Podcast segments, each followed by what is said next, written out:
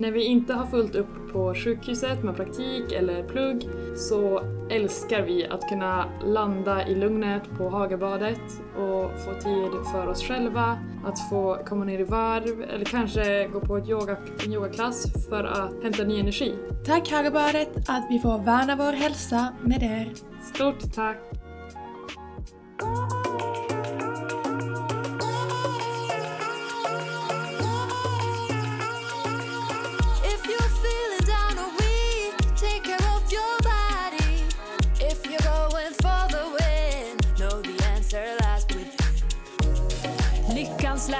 Med Värna och Elsa. Tjena vänner på andra sidan skärmen. Hej Elsa! Vi poddar igen så här, en i Finland, en i Sverige. Style. Jajamän. Jag är så taggad på dagens ämne dock. Det ska Ja. bli så roligt att få ställa de frågorna jag hade under eh, gynneobstetrik-kursen som jag inte vågade ställa till, till de barnmorskorna jag gick med. Det här är en riktig powerwoman i mina ögon. Dagens gäst har jag känt till ganska länge för att vi båda kommer från Luleå och eh, har två saker gemensamt. Det ena är att vi älskar crossfit och det andra är att vi tycker att kvinnokroppen är fantastisk och att vi båda, eller hon jobbar ju med den redan och jag har en vision om att jobba med, med den. Ehm, Mm. Och hon är en så häftig, så stark tjej på så många olika plan. Ja, jag, eh, jag följer henne bara på Instagram, aldrig träffat in real life men hon verkar verkligen superrolig och härlig och duktig. Ja, det ska bli så kul också att få höra om så många olika funderingar man har eh, kring förlossning som är dagens tema för att, eh, att få prata med någon som har jobbat med det och jobbar med det just nu och har liksom erfarenhet av att ha förmodligen varit med på väldigt många förlossningar. Det är inte, eh, för många är det en once in a lifetime eller kanske två eller tre men eh, hon gör ju det kanske på daglig basis. Jag vet inte, vi får höra. Ja, det, det tror jag verkligen att hon Mm. gör. Det bara Ja, vi kopplar in henne. Hej Elin! Halloj! Hur är läget med dig idag? Välkommen! Tack, tack! Jo men tack, det är bara bra. Eh, hur är det själv? Det är bra med mig. Jo, det är bra med mig också. Det ska bli så spännande. Jag ska säga till alla som lyssnar att eh, jag har läst precis gyn och obstetrikkursen. Elsa har den eh, framför sig. Eh, nu har vi en specialist här, en barnmorska, Elin, som vi får, eller jag i alla fall känner att jag får ställa de frågorna som jag inte vågade ställa till den barnmorskan jag gick bredvid eh, tre nattjourer med. Jag tyckte att hon var lite, jag hade stor respekt för henne men jag vågade verkligen inte fråga om allt som jag klurade på. Så nu får du stå ut med mig och mina frågor. Klassikern läkarstudenten. ja, exakt. Det gör jag så gärna. Jag brukar säga det finns ju inga dåliga frågor. Det är bara bara eh, att fråga vad som helst. Så det, det är verkligen helt okej. Bra. Vad kul. Men ska vi börja med lite kort. Jag vet ju att du eh, kommer från Luleå, eller, vi, eller nej du kommer inte från Luleå, men jag vet att du har bott i Luleå. Men för de som inte känner dig, kan du berätta lite? Elin Rova, Rova vem är du? Ja, eh, nej men du har ju helt rätt eh, Elsa. Jag har ju bott i Luleå ganska länge men jag är egentligen från en liten by som heter Kangås. Eh, som ligger 25 mil ifrån Luleå. Sen eh, eh, därifrån flyttade jag ju ganska snabbt. Såg att det fanns ändå lite andra saker att göra och lite eh, andra inspirerande människor och lite annat. Så. så efter det så har jag pluggat till eh, sjuksköterska. Eh, jag jobbar lite som det bland annat på akutmottagningen i Sunderbyn då. Mm, efter det så kände jag att jag ville jobba lite mer med det positiva och lite mer inom akutsjukvård så är det ofta ganska mycket tragedier och det är mycket både sorg och smärta och lite så. Så då tänkte jag att ja, men jag vill jobba med något lite mer gladare. Eh, nog för att det är väldigt mycket inom smärta inom förlossningen också men det är ofta så är det liksom ändå mot det positiva. Så då kände jag nej, jag pluggar till barnmorska. Så eh, efter lite jobb på akutmottagningen så började jag plugga till barnmorska. Mm, har jobbat som det nu i fyra år till sommaren. Och har även känt att jag vill utvecklas lite mer inom det. Jag tycker det är ganska intressant med ungdomar och sexualitet så att just nu så jag, läser jag även sexologi via Malmö Oh, universitet. Vad spännande! Precis. jättespännande verkligen. Och sen mer än så på fritiden så tycker jag om att träna ganska mycket.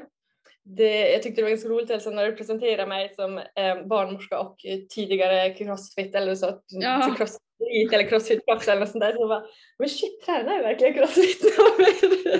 jag var nästan tvungen att fundera på, är det där verkligen jag? Jag, vet, inte, jag ser dig som en superwoman som både är här kvinnopower både i liksom eh, förlossningsrummet och på eh, boxen så.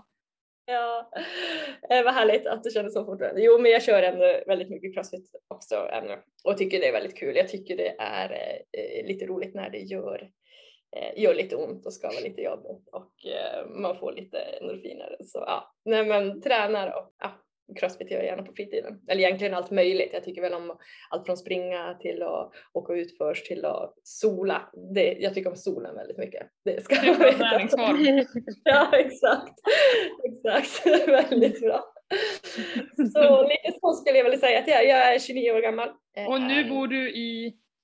Jag vet inte riktigt var jag bor om jag ska vara ärlig. Ja, jag funderar också på alltså, vart bor du nu? Jag bara, Stockholm? Jag vet inte. Jag har ju varit anställd eh, tidigare då vid Sunderby sjukhus och men har eh, sagt upp mig därifrån. Så nu jobbar jag som egen och åker runt på lite olika förlossningskliniker. Okej. Eh, Mm. Just nu i natt så bor jag i Stockholm. Men, eh, och kommer väl vara här till slutet av juni. När man jobbar som egen då jobbar man i så lite kortare uppdrag. Är det så typ som stafettläkare fast för sjuksköterskor då? Exakt, exakt som det. Som barnmorska då. Man åker på olika uppdrag vid olika bemanningsföretag. Säger man stafettsköterska eller? Jag har- vet som inte hört begreppet.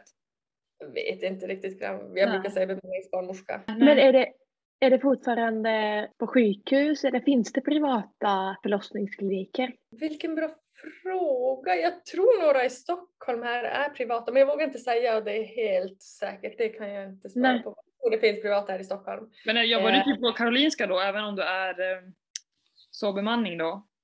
Just nu jobbar jag på SÖS. Eh, mm. På sjukhuset. Ja, Mm. precis. Eh, Mm. Men det finns ju lite behov. Jag menar bemanningsbarnmorska kan man jobba som inom mödravården samtidigt som man kan jobba på det också på sjukhus och ja, lite så man kan välja lite mer öppet vart man vill jobba.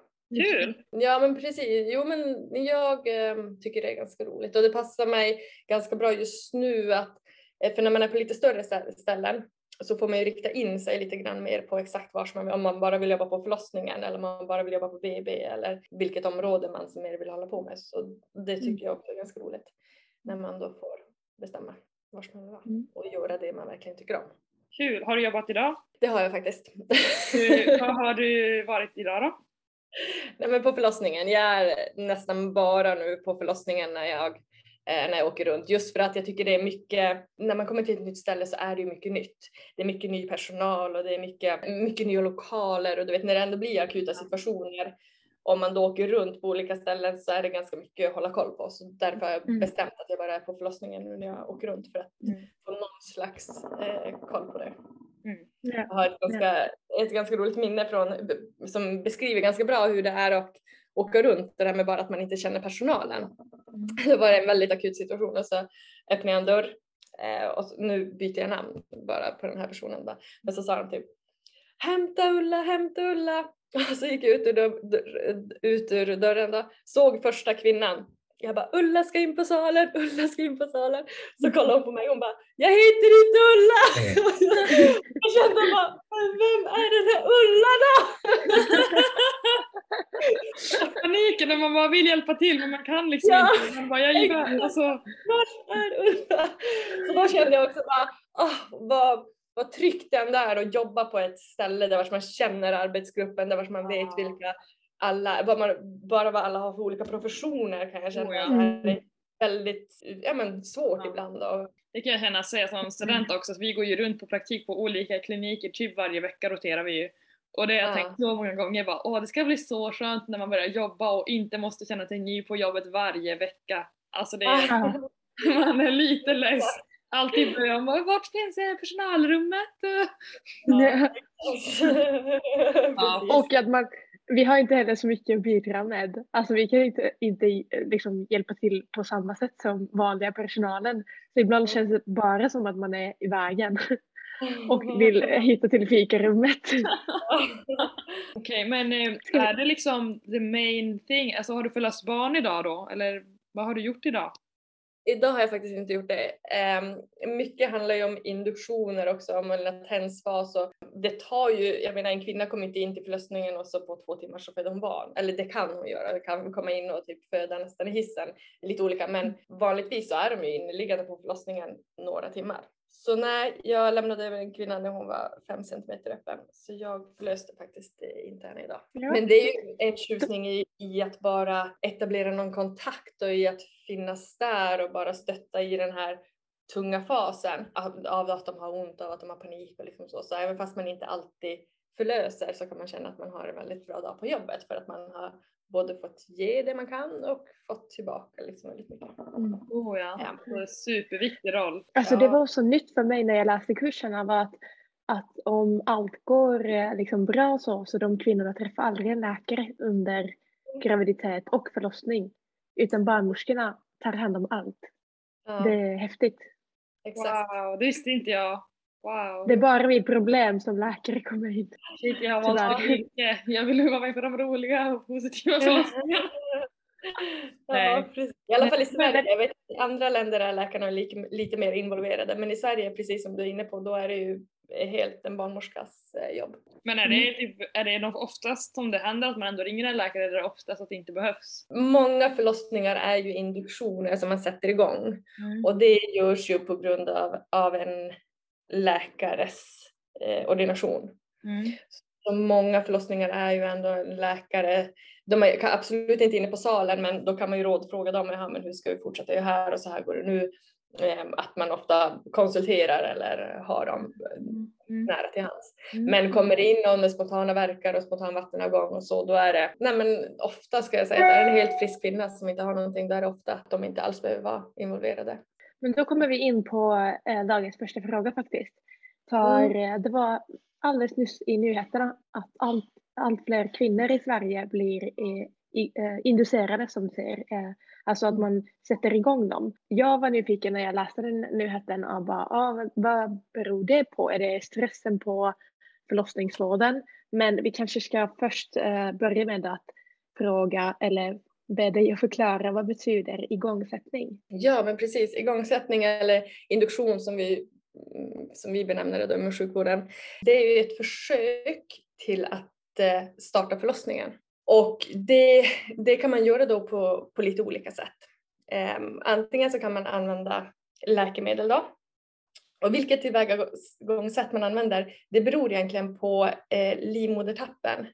Eh, vi förklarar den som att den är mogen eller, väldigt, eller omogen. Så beroende på hur, hur livmodertappen är styr vad, mm, vad vi väljer för sätt till att inducera.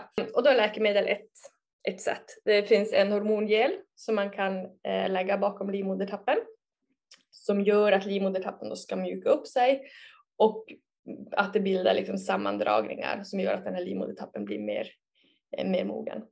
Det finns även ett, en hormontablett som man också kan antingen då äta som tablett, det har ganska nyss faktiskt kommit eh, en tablett som man bara tar som tablett eller då en tablett som man löser upp i vatten och så får, får man den som spruta i munnen, eh, bara vattenlösning helt enkelt.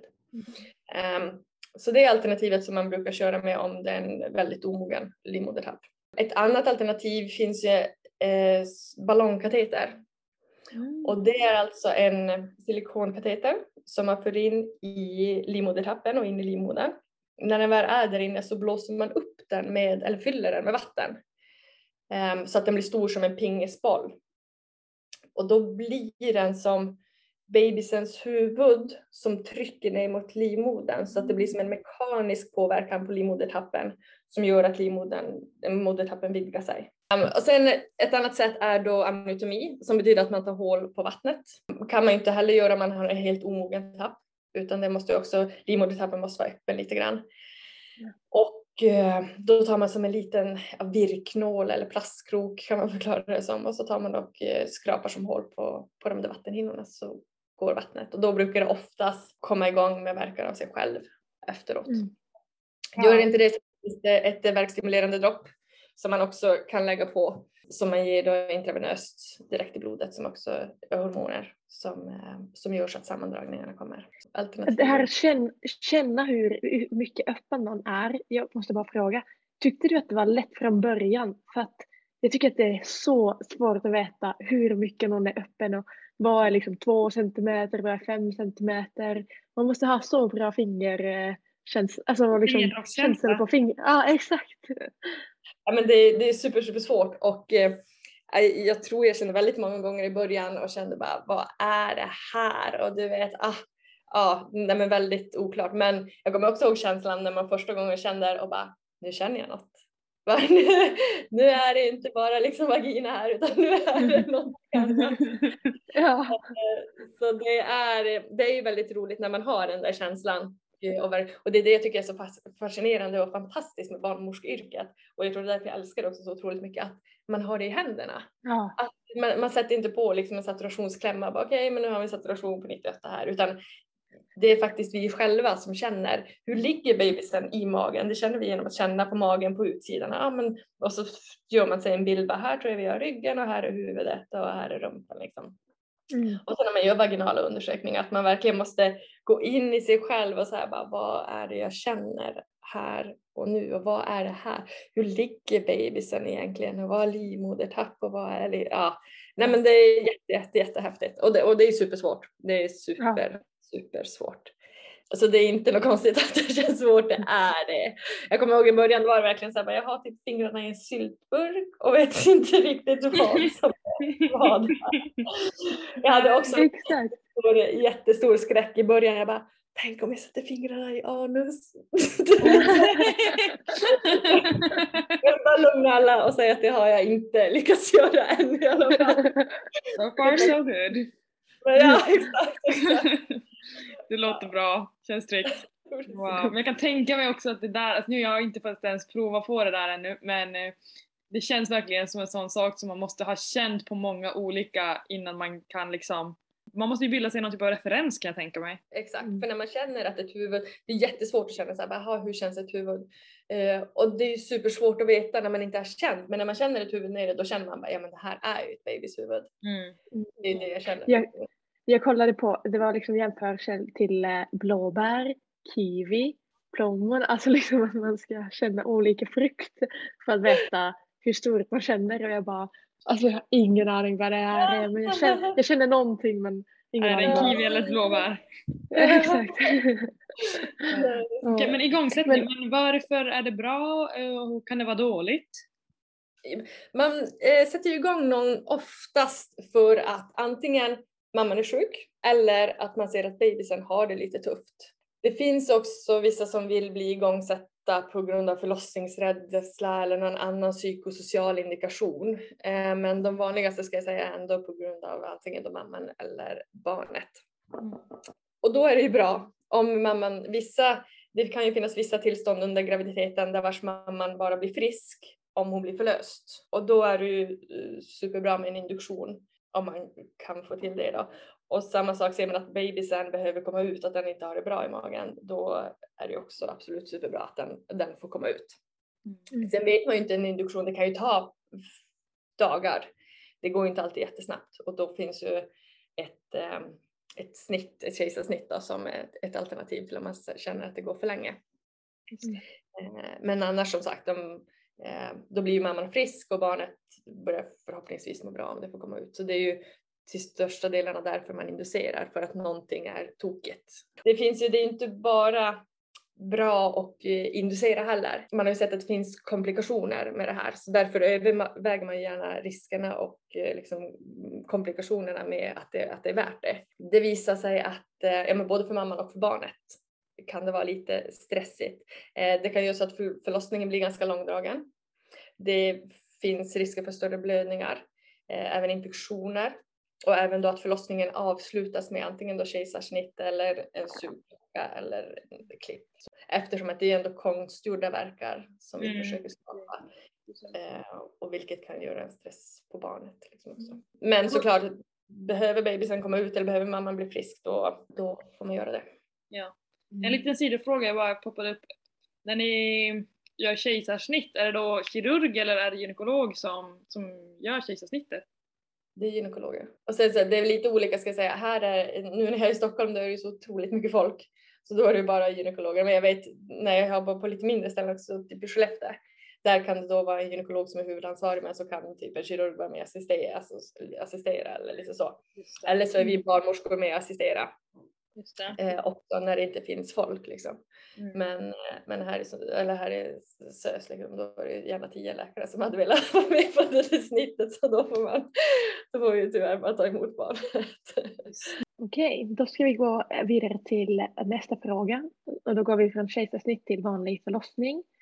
Och det var, det var faktiskt någonting jag funderade på när jag var med på förlossningssalarna. För det var många kvinnor som hade svårt att liksom hitta det här hur man ska krysta och liksom hur man ska känna tyngden neråt och så.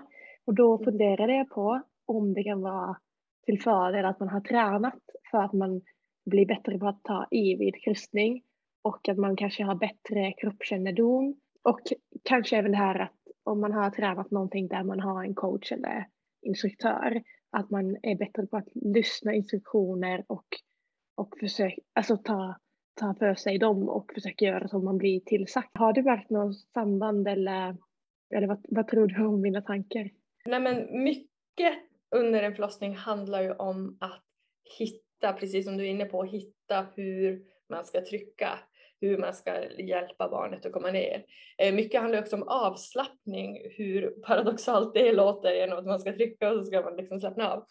Men jag kan nästan säga att jag tycker ibland att jag kan säga en nackdel med om man har jättestark, typiskt tjejer som rider mycket, kan ju ha ganska stark bäckenbotten och Ja. liksom muskulatur kring sätena och liksom där. Ehm, och hittar man då inte hur man ska slappna av eller hur man ska trycka neråt så kan det nästan mer vara ett hinder till, eller att det är svårare för dem att liksom hjälpa bebisen att komma ner. Så det behöver inte alltid vara jättebra att man är jätte, jätte, har jättebra bäckenbottenmuskulatur. Utan mycket handlar om att kunna slappna av när man ska slappna av och sen hitta exakt eh, vars man ska trycka. Och det är ju supersvårt att säga så här, så här ska man göra för att få barnet att komma ner eller så här ska man göra för att en kvinna lättare ska kunna trycka. Det är ju så mycket där och då utan du måste ju se på en kvinna när hon gör det. Okej, vad gör hon fel?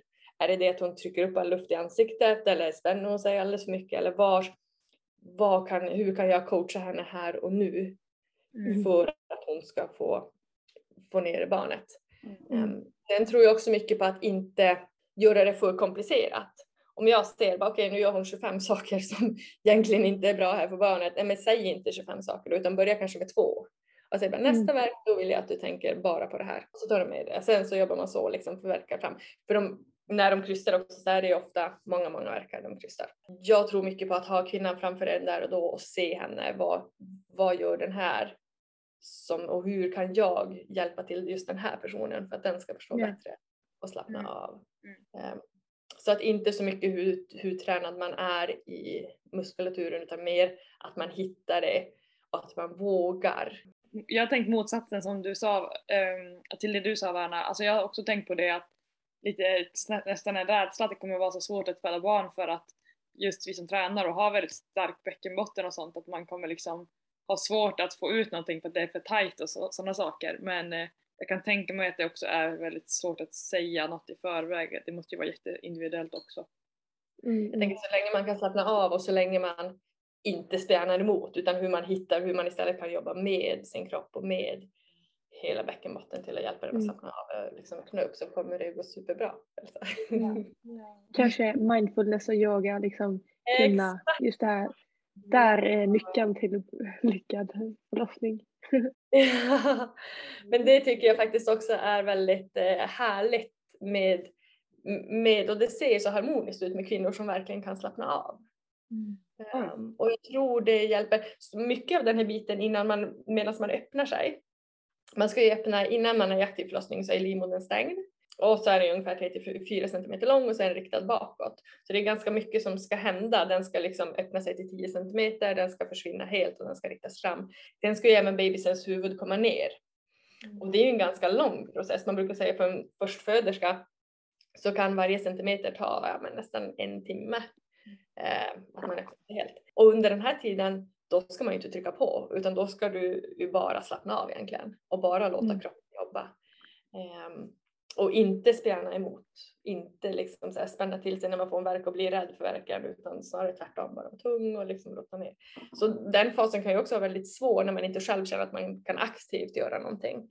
Ehm, och då är det ju väldigt bra med precis det här som säger mindfulness och avslappning och bara, bara kunna vara här och nu och bara det gör ont. Det kommer ta tid. Men jag är bara här och slappnar av och det kommer kroppen fixa det själv liksom. Wow, fint. Det låter, som, det låter fint. Man blir lugn också när man ser på dig. Du säger som sagt, det kommer gå bra, det kommer gå fint. Det kommer tid. En sån barnmorska man vill ha sen. Tanken har ju, tankens kraft eh, ska man ju inte underskatta. Den har ju otroligt stor eh, inverkan. Ja. Mm, mm. Jag tänker, ska vi bryta in med en liten lyssnarfråga som vi fick in? Mm. Det handlar om urinläckage. Man vill veta utifrån ditt crossfit-perspektiv, eh, men även från barnmorskeperspektivet. Urinläckage, är det liksom starkt kopplat till förlossning? Ger ni några tips och vad kan man göra själv för att undvika det här? Det absolut bästa som alla kan göra och redan alltså, från tidig ålder, höll jag på att säga, men verkligen innan man blir gravid är ju att eh, knipträna. Jag har ju tidigare flaggat för appen Tät. Känner ni till den? Har ni hört om den? Nej. Nej. Otroligt bra app ehm, där det finns olika övningar. Det finns olika steg liksom så man ser vilka eh, övningar man har gjort och när man har gjort dem. Det finns också så att man kan lägga påminnelser.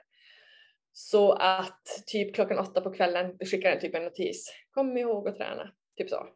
Eh, och eh, två gånger per dag brukar man ju säga att man ska försöka träna. Och redan som sagt innan, eh, innan graviditeten. För att när man under en graviditet så är det ju en otrolig på, påfrestning på bäckenbotten. Den, den får ju väldigt mycket tyngd och blir väldigt uttröttad liksom under de här månaderna som man är gravid. Så det är väldigt bra att börja träna innan. För har man inte tränat innan och tänker att man ska börja efter graviditeten, då är det ju ännu svårare att hitta de här musklerna som är både trötta, kanske lite skadade från själva graviditeten och förlossningen. Så börja tidigt med, med att träna. Även om man inte har något problem. Även om man inte har urinläckage eller även om man inte har något besvär så är det väldigt, eh, väldigt klokt att träna tidigt så att man hittar, hittar muskulaturen, vet hur det ska kännas. Så att man sen lättare efter graviditeten också kan börja liksom känna hur det känns eh, Mm. och vet exakt hur man ska göra. För det är svårt efteråt och, ehm, ja, och det krävs ju tid. Det, man måste ge det tid till att våga, till att lägga tid på att, att träna. Så skulle du säga att det ska kännas när man kniper? Ja, men man brukar prata om att man ska dra som en dragkedja från anus och så drar man som uppåt mot typ klitoris kan man ju säga, mot slidöppningen och hela vägen. Man ska vara helt avslappnad i skinkorna. Ehm, och så ska man som bara känna, känner ni att ni sitter och kniper nu eller? oh, jag fokuserar stenhårt! Det blir helt tysta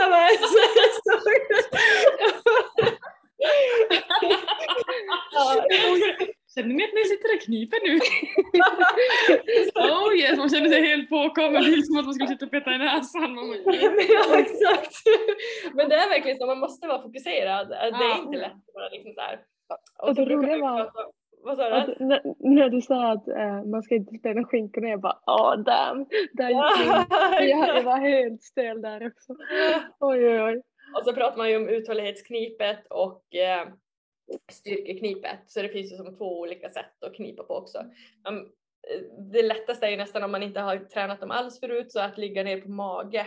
Nej, ligga ner på rygg med benen upp och liksom slappna av. Då är det lättare att slappna av i hela, i hela bäckenet och känna tydligt att man inte ska spänna några skinkor eller någonting sånt utan bara liksom inifrån. Men det är också finns superbra på TÄT-appen eh, beskrivet exakt hur det ska kännas och hur, hur man ska göra. Så den flaggar jag verkligen för, tycker den är Guds gåva till kvinnorna. Alltså den är jätte, jättebra. Så den, Tusan, eh, superbra ju fått det tipset. Det och är det så att man, för när man söker hjälp för, om man söker hjälp för urinläckage, då brukar man alltid börja med, med träning. För att eh, ofta kan det ju bara hjälpa att man lägger upp, att man tränar, att man lägger tid på det. Men jag tycker också att har man problem med det, man har jättetid till att träna, ska man absolut söka hjälp. Det finns uroterapeuter som är otroligt bra på det och s- som finns och kan hjälpa. Mm. Eh, Så man ska inte gå, tycker jag, och behöva ha besväras i sin vardag utav ett urinläckage.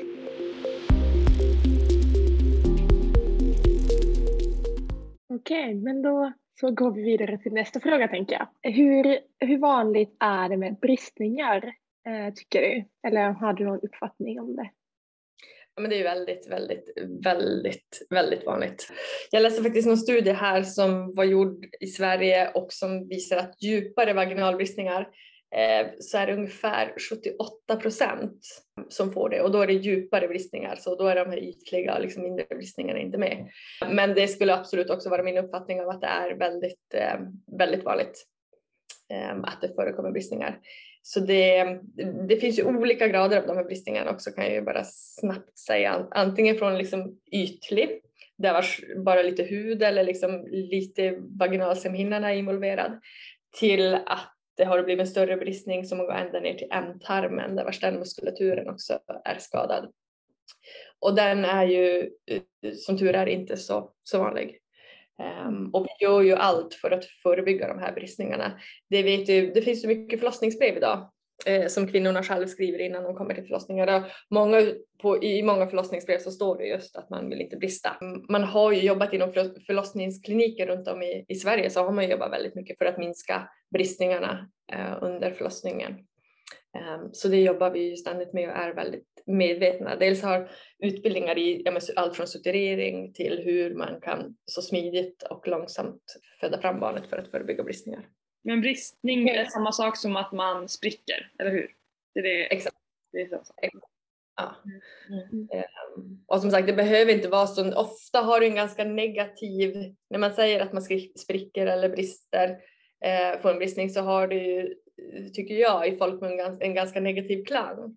Men det behöver ju, som ni hör på statistiken och som det är, att nästan ja, men, de flesta brister. Men det är ju ofta inte så allvarligt. Nej, nu när jag såg det på förlossningarna. Jag tyckte inte heller att, alltså jag hade liksom en bild i huvudet att det är väldigt brutalt. Men det, det var ju verkligen inte det. Alltså det var ganska liksom, verkligen, det gick väldigt fint att sy ihop och det alltså, såg inte alls eh, farligt ut liksom. Verkligen inte. Och eftersom att det så ofta förekommer bristningar så är ju barnmorskorna väldigt duktiga på att sy dem också. Och nu jobbar man ju med att det är ofta två barnmorskor som ska kolla på en bristning så att man inte missar någonting. Eh, och är det en så här större eller mer komplicerad bristningar så har man ju gärna in läkaren också. Eh, så att de får kolla på dem och så är det en, en stor bristning så får de sy dem då. Så att vi har ju väldigt bra förutsättningar för att även fast man brister så blir det bra.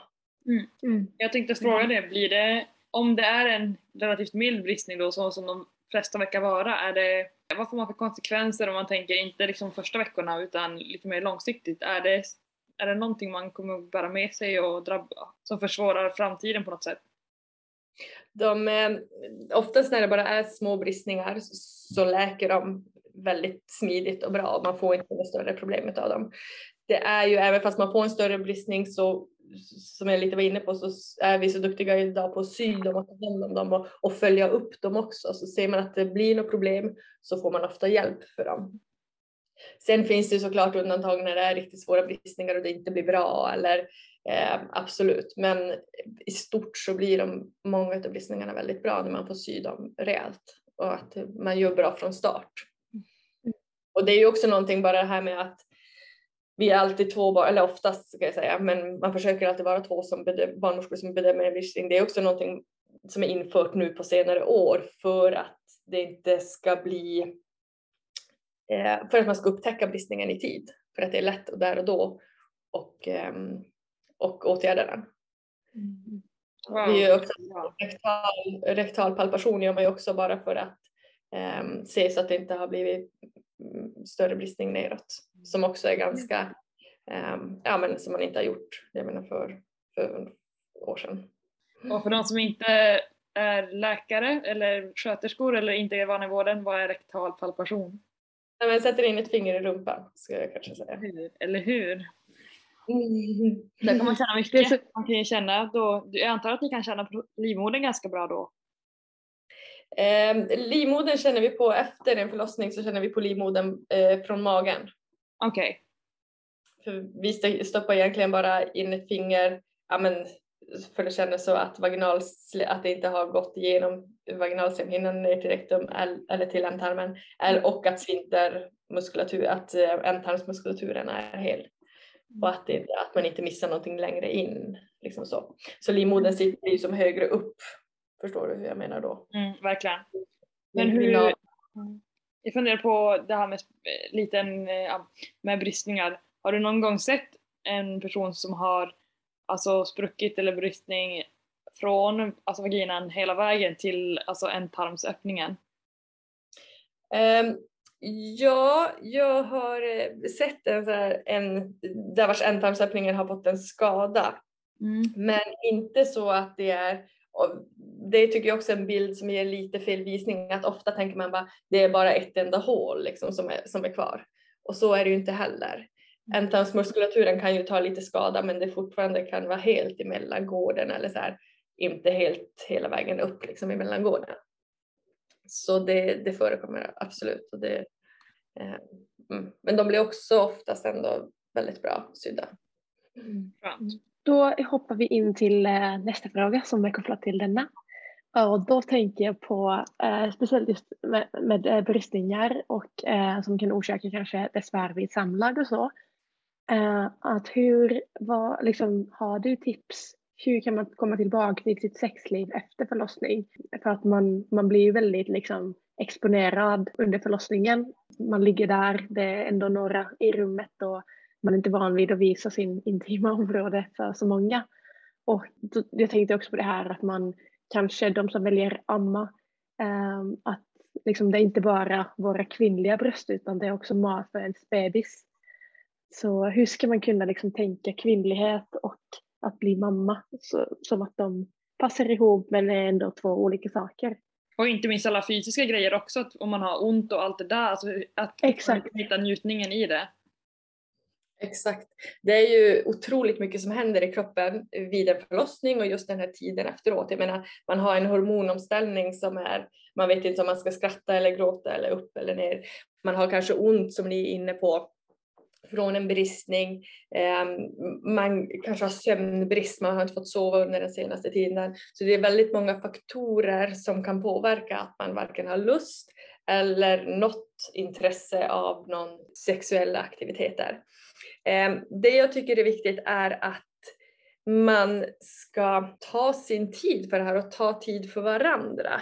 Ehm, allt behöver, I Sverige har vi en otrolig penetrationsnorm. Men allt handlar ju inte om penetrationssex. Det finns ju flera olika sätt att ha, ha sex på idag. Och jag menar, mycket kan ju vara bara att man önskar lite närhet. men ett eh, jag menar, grovhångel i soffan kanske räcker gott och väl. Liksom. Att man inte behöver eh, ja, så snabbt gå på det. Så jag tror att sen är det väldigt olika. Många kan ju eh, få sexlusten tillbaka ganska snabbt efter förlossningen.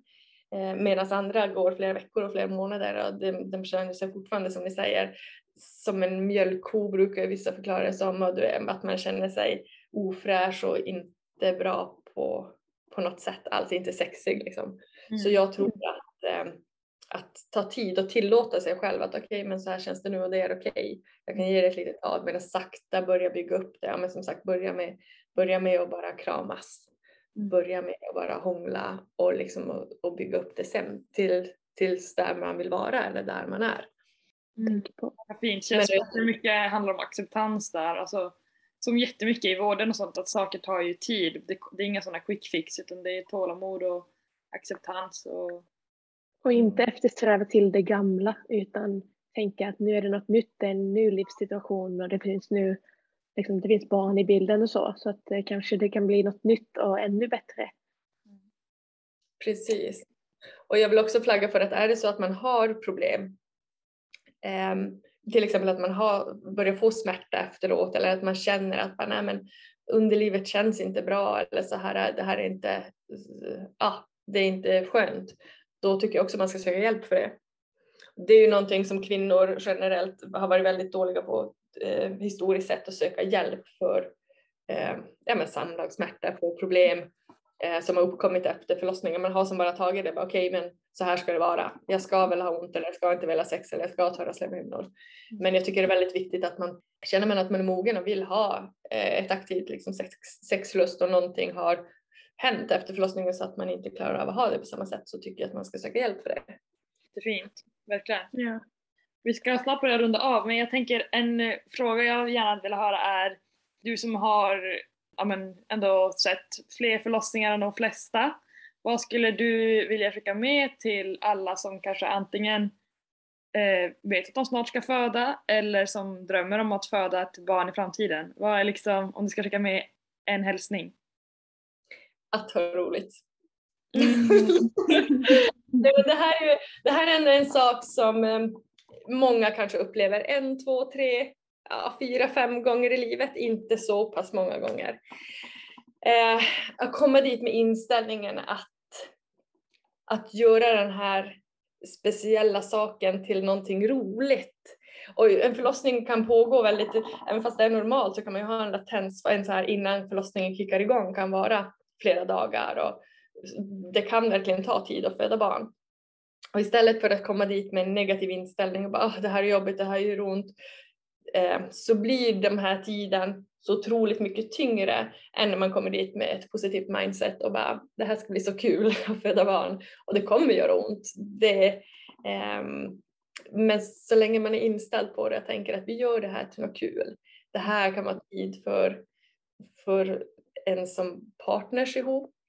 Ehm, jag menar många kanske har småbarn hemma och det här är deras tid när de får komma iväg lite lugn och ro från barnen.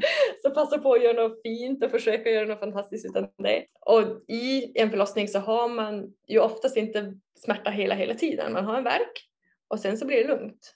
Och sen så får man en värk igen och sen så har man inte ont. Så jag tänker att utnyttja den här tiden när man faktiskt inte har så väldigt ont och försöka, försöka ha kul. Eh, Så ha roligt är, är min, eh, mitt tips till, till de som ska fö- föda, att försöka ha kul. Och, eh, det finns många roliga barnmorskor där ute också så, så det är Det känns att du har en väldigt positiv upplevelse av barnmorskor. Jag har inte träffat så många men de jag vet är barnmorskor, det är bara riktigt härliga människor. Ja, vad skönt att du känner så. Ja.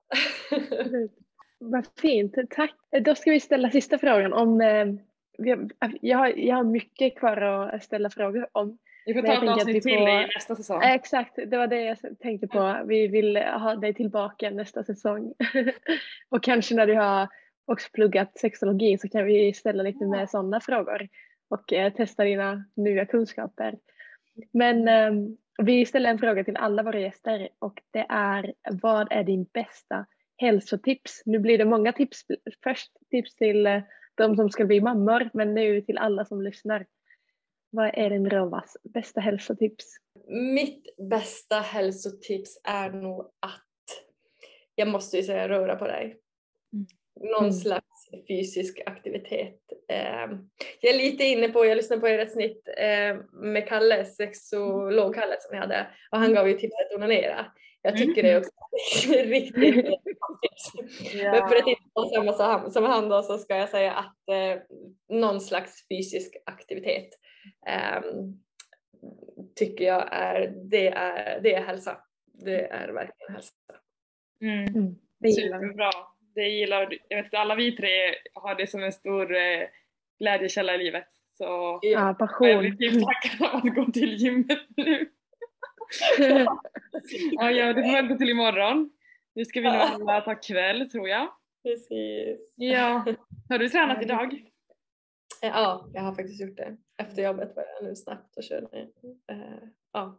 Men som sagt, man- jag mår ju så bra utav det. Jag mår jättebra utav att träna. Så det, Viktigt att ta hand om sig själv också, för när man jobbar också med så mycket andra människor och ta hand om andra. Inte glömma bort sig Mm. själv. Men tusen tack Elin för att du ville vara med. Tack själv för att jag Superkul.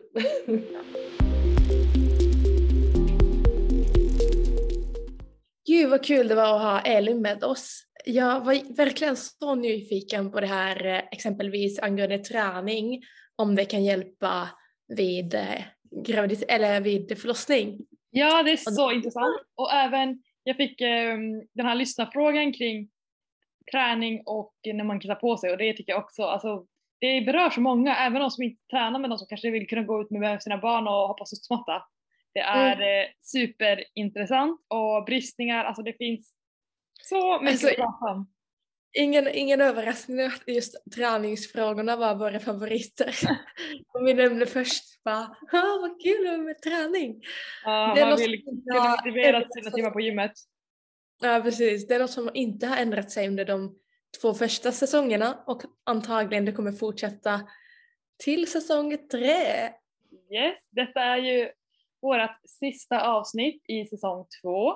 Och eh, jag tycker det har varit otroligt kul att få köra en till säsong och vi har fortsatt lära oss väldigt mycket. Jag tycker att vår ljudkvalitet äntligen har börjat bli lite bättre. Just idag kanske ett undantag för att eh, vi är mitt i flyttkaos, eller snarare jag är mitt i flyttkaos och såklart har man råkat packa ner den där sladden till micken i en okänd flyttlåda någonstans bland tusen grejer. Ja, Sånt som händer. verkligen. Ja. Nej men eh, jag håller med. Det, är alltid, det finns alltid satt, äh, saker man kan bli bättre på. Men jag tycker att vi har blivit successivt lite bättre. Mm. Och eh, en cliffhanger är att det ska bli säsong tre. Eller hur? Det ska det. Det är vi Mm. så laddade för. Ja, shit, det kommer bli kul och vi har ju redan flera lovande gäster på gång och nej, det är så tacksam att vi kan köra den här podden tillsammans. Absolut. Det kommer vara spännande också att se liksom var vi hamnar. Alltså det är ju många saker som har förändrats i våra liv under säsong ett och två också. Med tanke på Verkligen. sambolivet och alltså vi har gått från termin nio till att bli färdiga och, och sådär.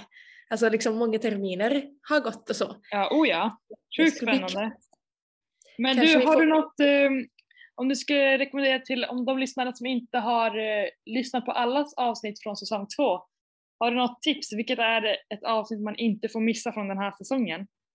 Får absolut inte missa avsnittet med... eh, Vänta, vilka har vi ens haft under säsong två? Mm, man blandar ihop. Ja, det är nästan så att man får kolla upp lite. Ja. Jag kan säga en som jag tycker var riktigt bra. Och det var ju när vi snackade om kost med Caroline Pettersson. Det avsnittet Oh, jag var otroligt bra. Eh, mycket, mycket tankar kring mat och mycket liksom, bra lyssnarfrågor som vi svarar på, som snarare Caroline svarar på. Otroligt lärorikt. Matnyttigt så att säga. Ja, okej, jag håller med. Jag gillar den, det avsnittet. Men jag gillar också väldigt mycket Åldrande med Ingvar Skog. Alltså, inte minst för att eh, han var extremt duktig på att prata. Jag älskar att lyssna på det avsnittet bara för att han har så mysig röst och liksom en Mm. riktig berättarröst, du vet, som mjuk och härlig. Det finns en Eh. anledning att han blev sommarpratare. Ja, men exakt! Det är det jag menar. Kul, jag ska faktiskt ha ett möte med honom snart och såklart så, så här, han bara, ja nej men jag var precis ny, med i P4 här och pratade lite på Sveriges Radio. Och man bara, ja ja, nice. One day, we Ja. too. Nej, jag skojar. Veckans läkare goes viral. Ja, exakt. Ska vi ta och avsluta med veckans lyckopiller och lyckokiller? Ja, men det tycker jag. Får jag, får jag börja med lyckokiller? Det får du. Jag har en lyckokiller angående hud, vilket är så passande för att du läser hudkursen just nu. Och skrev hudtenta idag. Ja, precis. Hur gick det då? Du, jag var inte ensam om att tycka att de hade gjort tentan svårare än vad som kändes rimligt, eller om man jämför med tidigare tentor. Mm. Men jag är nöjd med min insats. Ehm, Jag gjorde så gott jag kunde idag och eh, hoppas på det bästa. Vi får se. Ja, härligt. Min hud äh, äh, lyckokiller är äh, angående, vi går ju mot ljusare tider och vår och så. Men alltså gud vad torr hud jag har haft senaste veckan.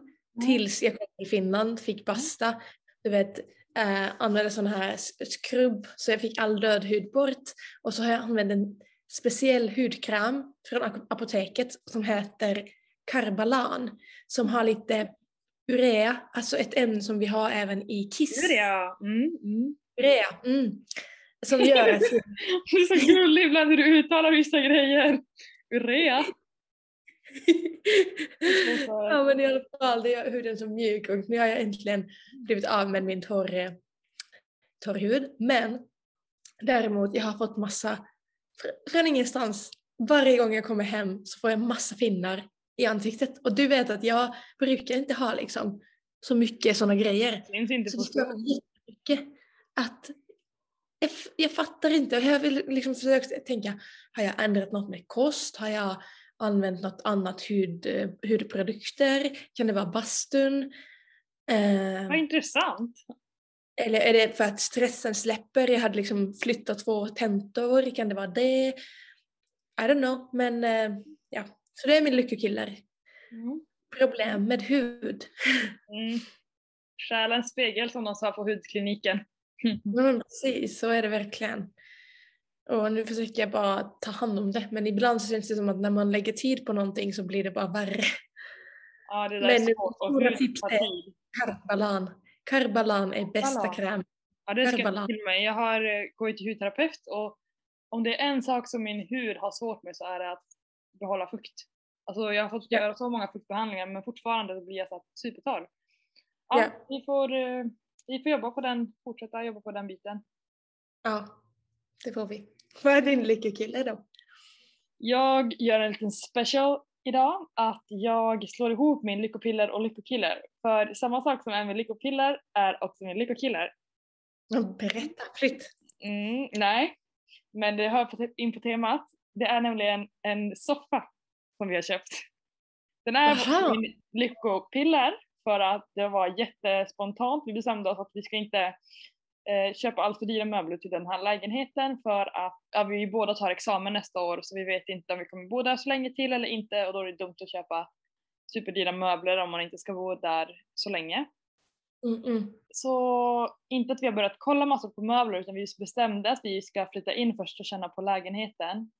Jag fick en sån här magkänsla och bara gick in på Marketplace och hittar en riktigt, riktigt super, alltså precis en sån soffa som jag tänkte att vi borde vill ha som är så här beige divansoffa, ganska stilren och klassisk. Och det är liksom ett riktigt skap. Den var som ny och den hade kostat många tusen lappar men var liksom ett riktigt schysst pris för att de skulle Mm. och sånt. En eh, lite längre historia kort är att supertrevlig säljare som kommer och hämtar upp oss och är jätte liksom, vänlig och trevlig. Eh, och vi köper den och hyr skåpbil nästa dag. Det här var lyckopillen. Jag var så glad över soffan och jag kände så kul, jättebra affär, kul att köpa på Marketplace, också hållbart att inte bara alltid måste gå och köpa nytt. Den här var liksom superbra soffa och bara billigare och hållbart. Så det känns superbra. Verkligen. Åh, nej, jag, får ont i magen. Nu kommer vi till dun. Det är fredag, vi är taggade på en helg. Vi ska liksom ägna eftermiddagen åt att vi hade hit en skåpbil mellan 12 och 16 och det var liksom sharp time. Skåpbilen ska tillbaka till Mölndal innan 16. Anton ska också börja coacha crossfit. Klockan 16 så håller han grupppass. Så liksom yes, planen var bara att åka, hämta soffan, åka hem till Anton med soffan och lämna den där så den ska få stå. Jag och Anton, det var jättebra att hämta soffan, allt går som det ska, vi betalar och det. Vi kommer in till Vasagatan inne i centrala Göteborg. Jag och han själv ska bära upp soffan. Eh, två crossfittare. Det går ändå bra men jag får kämpa. Jag ska inte eh, ljuga med det. Vi- Att bära upp en soffa som är så otymplig för en liksom sån här eh, ring, eh, cirkelformad trappuppgång. Det är inte jättelätt. Och också liksom man måste hålla på olika diagonaler. Okej men Alltså att, typ, tänk att du ska militärpressa en soffa. Alltså så här, man ska ha upp den i taket ibland. När vi ska in genom dörren, alltså vi testar Ja. alla möjliga vinklar och verkligen jobbar stenhårt och så här. Den går bara inte in. Alltså den är, hur vi än gör så är det liksom, den är för bred. Vi testade typ tre olika tekniker, han, vi stod på olika ställen, vi gick in på olika, med olika vinklar, men allt var liksom kört. Och tiden rann iväg och vi är helt slut, svettiga, har inte kunnat äta, hunnit äta någon lunch. Man bara okej, den går inte in hos mig heller, vi åkte förbi mig men den går inte in i hissen.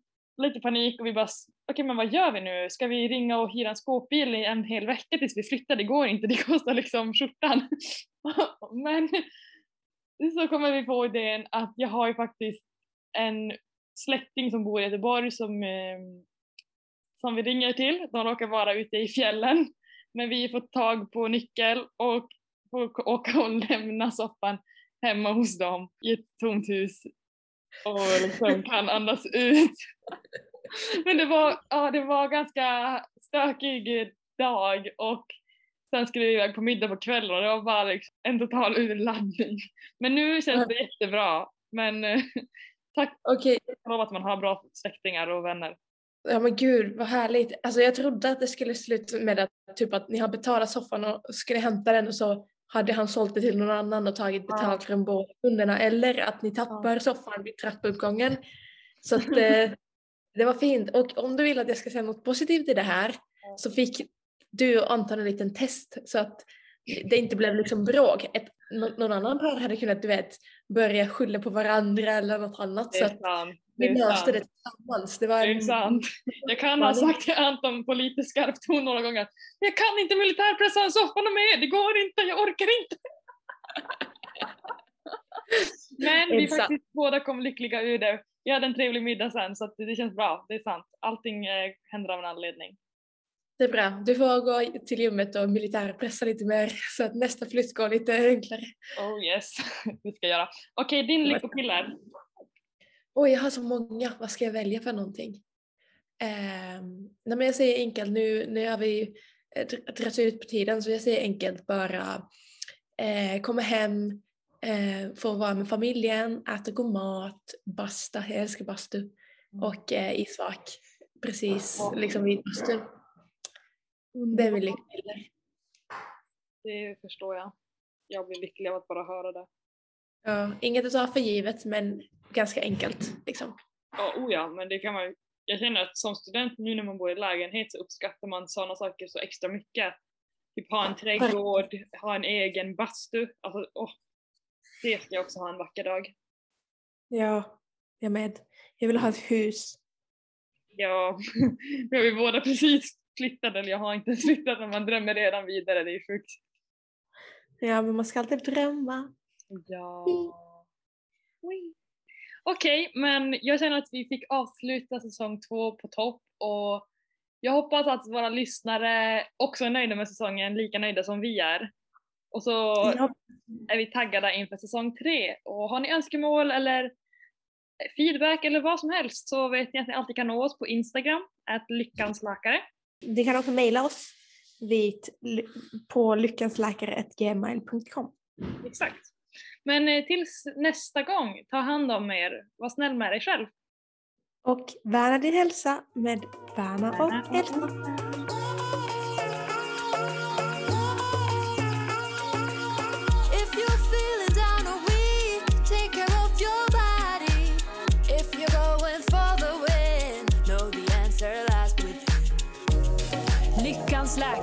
Answer Värna och Elsa.